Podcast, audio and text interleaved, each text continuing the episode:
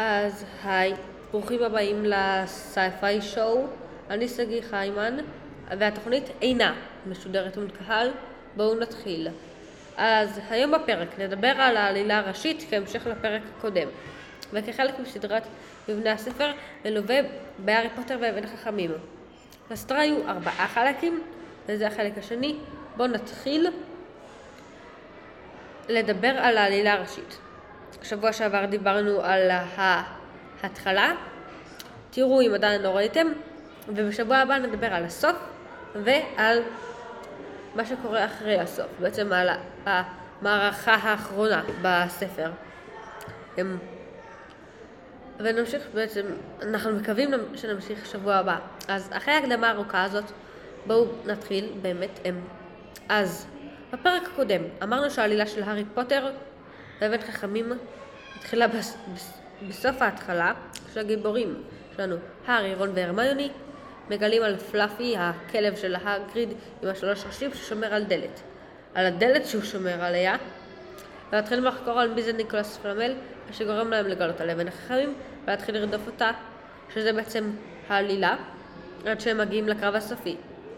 אז בעקרון העלילה צריכה הם, שהגיבור, הגיבור, הגיב, סליחה, הגיבור צריך מניע שיגרום לו לרדוף אחרי העלילה הראשית ולהגיע לסוף הקרב הגדול נגד כוחות הרוע.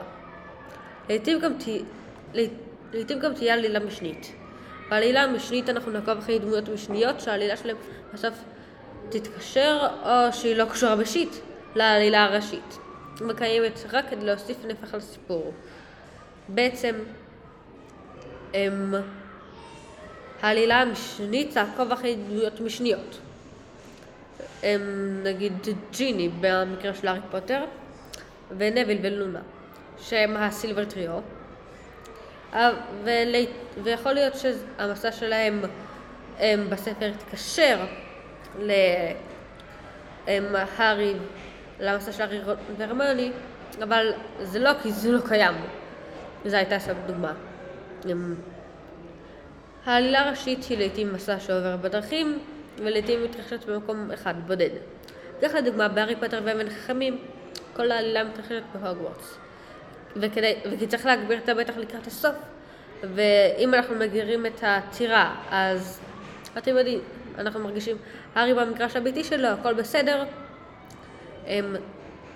אנחנו שמים, אנחנו שמים את הקרב הסופי באזור שאנחנו לא מכירים של טירה וגם של הארי לא, שהארי לא מכיר.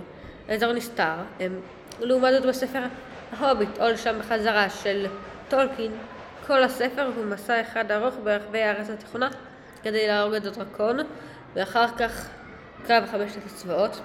בואו, אבל בואו נחזור רגע למיקום של העלילה, של העלילה המשנית. המיקום של העלילה המשנית לא תלוי בעלילה הראשית, אבל זה... אבל הוא לעיתים יהיה שונה. ובדרך כלל בעצם. העלילה המשנית יכולה להתקיים באותו מקום או במקום אחר מהעלילה הראשית והיא יכולה להיות מסע בפני עצמה, כלומר גם מאיתנו הרבה מקומות.